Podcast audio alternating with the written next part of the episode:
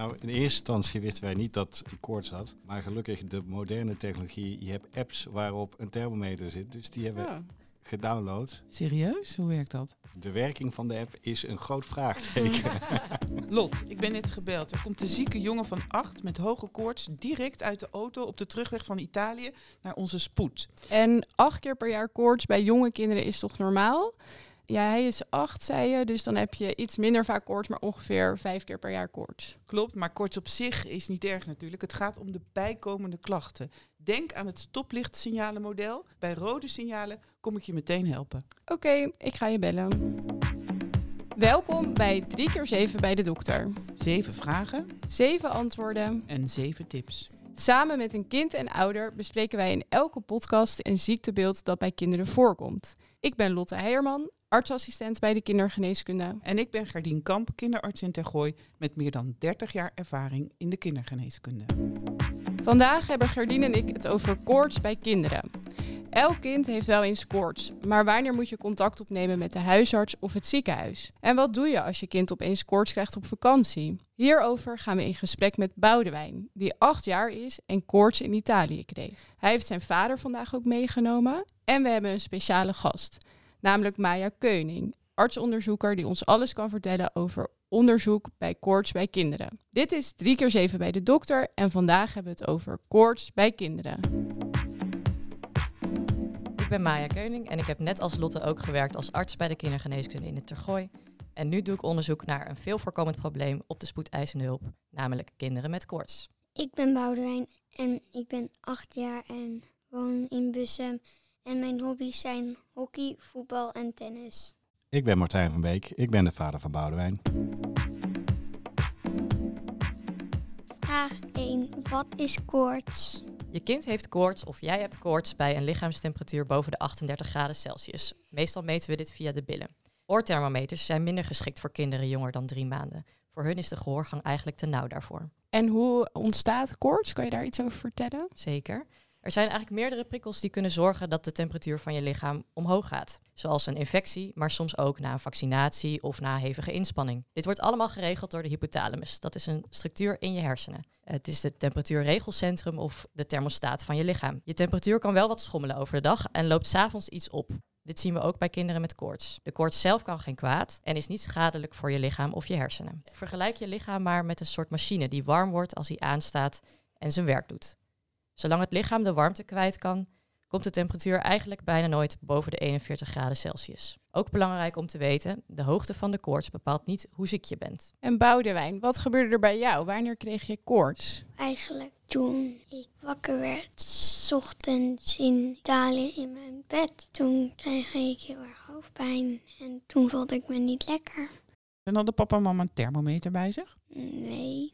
Oeh. En hoe wisten jullie dat Boudewijn koorts had? Nou, in eerste instantie wisten wij niet dat hij koorts had. Maar gelukkig de moderne technologie, je hebt apps waarop een thermometer zit. Dus die hebben we Oh. gedownload. Serieus? Hoe werkt dat? De werking van de app is een groot vraagteken. Volgens mij is die Maar- niet zo betrouwbaar, of wel? Eh, nee, dat klopt. Maar hoe ging het toen verder? Hoe, hoe hebben jullie besloten om terug te gaan? Of was de vakantie echt afgelopen? Hebben jullie gewacht? Ons geloof in het medische systeem in Italië was wat minder. En wij dachten, nou, dan gaan we rijden. En als het echt heel erg is, dan stoppen we in Duitsland. En anders rijden we lekker zo snel mogelijk naar Nederland. Vraag 2. Hoe vaak en bij wie komt koorts voor? Infecties met koorts komen bij jonge kinderen onder de vijf jaar heel vaak voor. Soms wel acht keer per jaar. Bij oudere kinderen is vijf keer per jaar koorts ook nog heel normaal. Jonge kinderen hebben vaker koorts dan omdat hun afweersysteem nog niet helemaal goed werkt. Hun afweersysteem is in training voor verschillende virussen en bacteriën. Die leert die herkennen en die leert die wegwerken. Vergelijk de training van je afweersysteem met een spelletje. Hoe vaker je het speelt, hoe beter je erin wordt. Als je ouder bent en je afweersysteem is helemaal getraind, kun je allerlei virussen en bacteriën sneller verslaan, waardoor je minder vaak ziek wordt en ook minder vaak koorts hebt. Vraag 3. Waar moet je op letten bij een kind met koorts? Dat is een hele goede vraag, Boudewijn. En wij als dokters maken gebruik van het stoplichtmodel. Weet je welke kleuren er op een stoplicht zijn? Ja, rood, oranje, groen. Heel goed.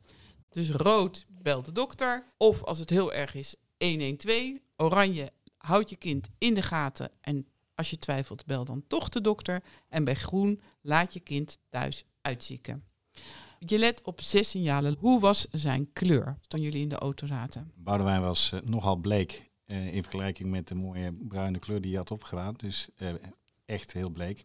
Nou, wij zeggen bij rood is je kind grauw. Bij oranje is je kind bleek. En bij groen heeft je kind een normale kleur. Maar soms als hij koorts heeft, ziet hij wel een beetje rood van de koorts. Hoe was zijn gedrag? Ja, hij was in eerste instantie heel rustig, maar hij begon een beetje wartaal uit te slaan. Als we iets zeiden, dan kregen we een antwoord wat eigenlijk helemaal niet over die vraag ging. Dat uh, wekte toch wel een beetje zorgen dat hij niet helemaal meer uh, scherp was, terwijl hij dat normaal wel is. En volgens mij is dat wel echt een rood signaal. Rood, een verward kind, dat is een rood signaal. En als je kind ook niet of nauwelijks wakker is, of heel zachtjes huilt of heel zwakjes is. En bij oranje is je kind hangerig, slaapt het meer, speelt het niet. Ik denk dat jullie met een oranje kind de auto in gingen. En bij groen is je kind niet lekker, maar het lacht en het speelt en het is actief en het is alert. Hoe was zijn ademhaling? Ja, die was een beetje sneller dan normaal volgens mij. En een snelle ademhaling kan normaal zijn bij koorts. Wanneer is het rood? Ja, als je kind eh, een piepende of kreunende ademhaling heeft, of als hij heel veel moeite moet doen om te ademen. Maar ik denk niet dat dat het geval was.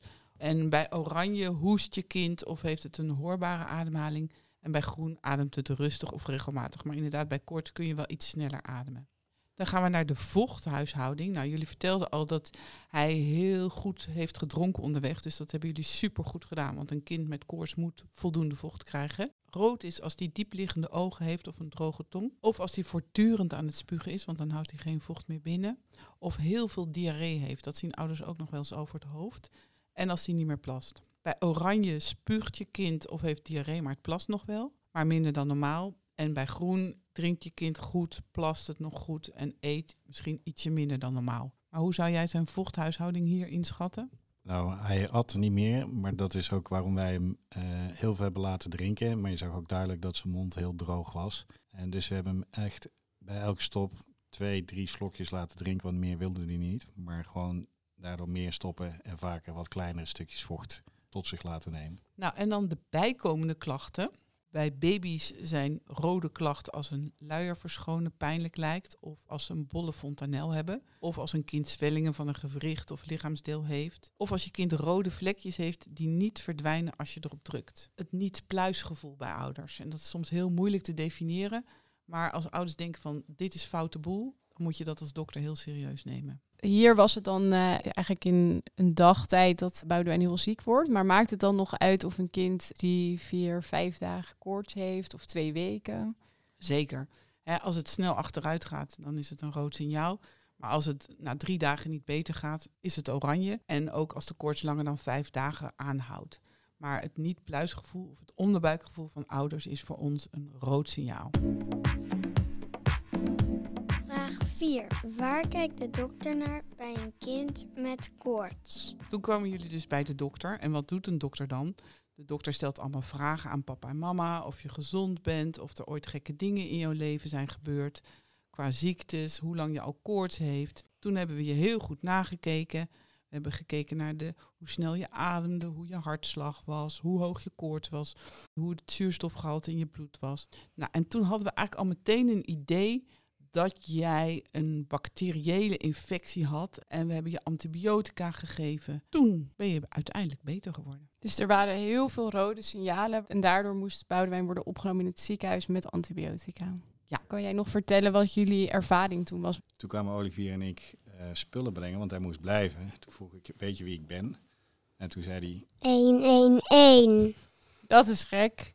Dus dat was een beetje raar. En toen dachten wij, wij gaan snel naar huis, Olivier en ik. En toen mocht Boudewijn blijven met zijn moeder om te slapen. Maar toen was hij dus erg aan het eilen. En gelukkig de volgende ochtend belde hij om te zeggen, papa, ik voel me al ietsje beter. Nou, dat was heel geruststellend. En toen wilde je niet dat ik je weer ging onderzoeken. Je was helemaal klaar met al die dokters.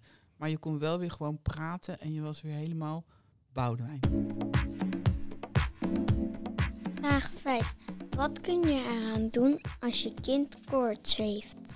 Nou, daar hebben we het net over gehad. Let op de zes stoplichtsignalen. Neem contact op met een dokter, zeker als je rode signalen hebt en eventueel bij oranje signalen. Maar Maya, wat adviseren we nog meer? Nou, je kunt natuurlijk paracetamol geven. Dit kan helpen om je kind zich prettiger te laten voelen. Doe dit in de juiste hoeveelheid en op vaste tijdstippen voor 1 tot 2 dagen. Voelt je kind zich beter, dan uh, kun je hier natuurlijk weer mee stoppen. Het is goed om te weten dat de infectie niet sneller of langzamer overgaat door paracetamol, maar het verzacht de klachten wel. Dit mag ook voordat je bij de dokter komt. De reactie van je kind op paracetamol is waardevolle informatie. Vertel dan wel hoe laat en hoeveel milligram je hebt gegeven. En waar moet je die paracetamol op vaste tijdstippen geven? Want ik zou gewoon nemen als je kind dan weer koorts heeft, dan zou ik het weer geven. Je wil eigenlijk een mooie constante spiegel opbouwen in het bloed.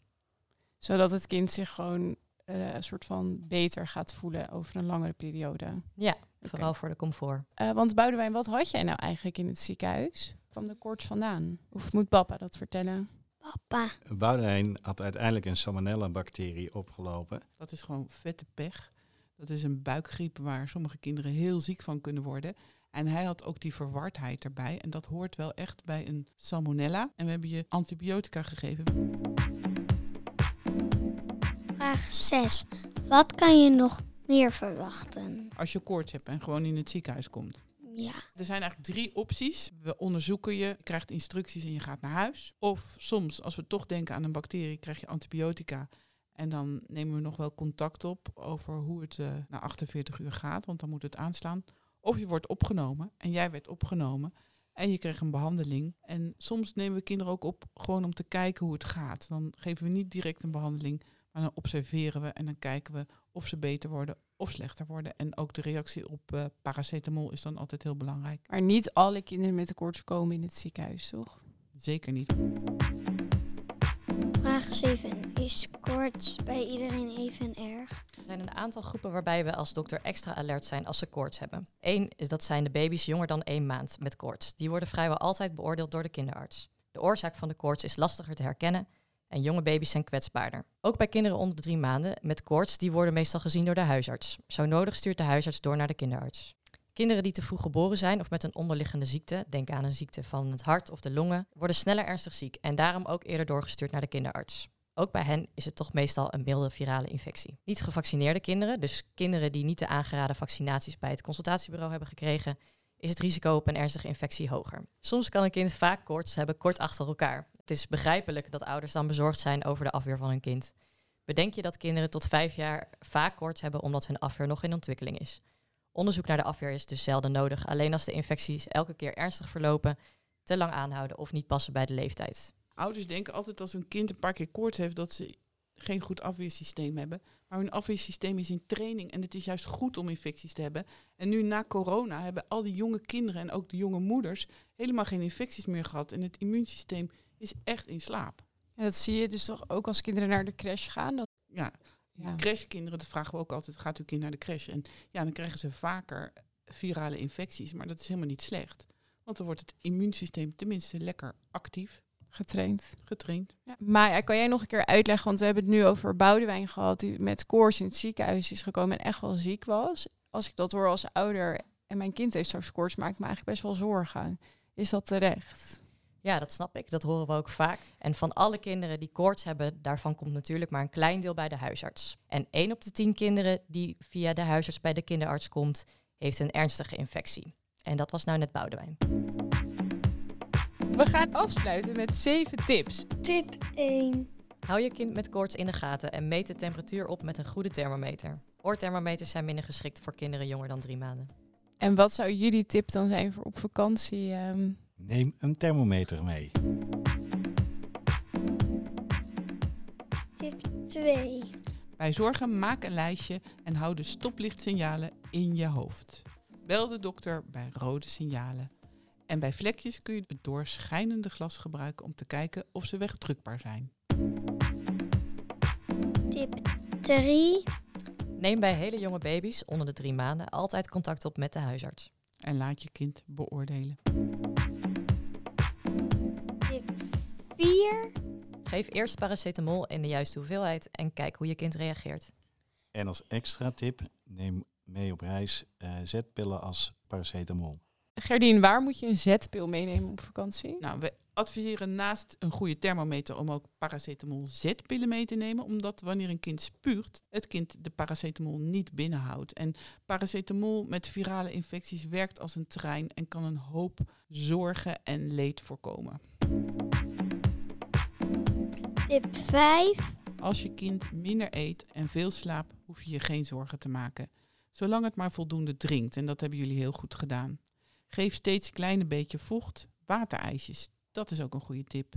Die helpen vaak goed en dat vinden ze heerlijk om aan te sabbelen. Zolang je kind goed blijft reageren, staat het stoplicht op groen. Stond bij jullie het stoplicht op groen?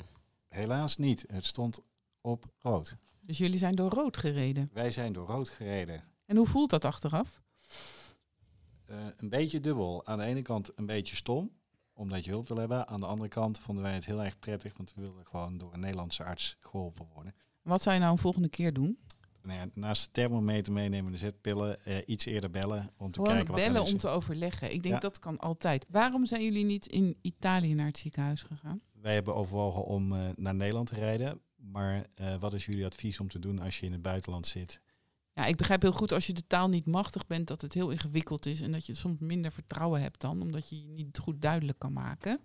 Eh, je hebt tegenwoordig Google Translate. Dat helpt al heel veel. Dat, ik heb daar zelf ook goede ervaringen mee. Maar je kunt altijd overleggen met onze huisartsenpost en dan geadviseerd worden, is het verantwoord om helemaal naar Nederland te rijden of moet je toch in het buitenland aan de bel trekken? Tip 6. Je kind moet de warmte bij koorts goed kwijt kunnen. Geef dunne kleding en een dun lakentje. Als het kind het koud heeft of rilt, mag je het natuurlijk altijd wel toedekken met een dekentje.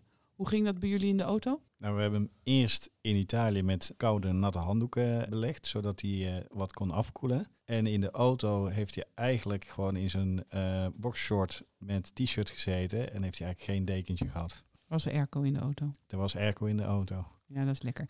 Echt actief koelen met natte doeken, dat adviseren we niet. Tip 7. Tot slot hebben we zeven internettips van de dokter met betrouwbare medische informatie over koorts bij kinderen opgenomen in de folder. Daar staat ook een heel mooi boekje voor ouders met de stoplichtsignalen. Boudewijn, wat heb je geleerd van de podcast? Het stoplicht. Dat je bij rood moet stoppen met rijden en dan de huisarts of het ziekenhuis moet bellen. Heel goed, dus je moet niet doorrijden. Nee. Oké, heel goed. Het zit er weer op. Vandaag hebben we het gehad over koorts bij kinderen. Mocht je benieuwd zijn naar koortstijd bij kinderen, luister dan naar onze vorige podcast. Bedankt Boudewijn en de hele familie. Deze podcast is mede mogelijk gemaakt door de vakgroep Kindergeneeskunde van Torgooi en De samenwerking met de werkgroep van de Nederlandse Vereniging voor Kindergeneeskunde voor de landelijke richtlijn. dankjewel Maya. Bedankt voor het luisteren en tot de volgende 3 keer 7 bij de dokter.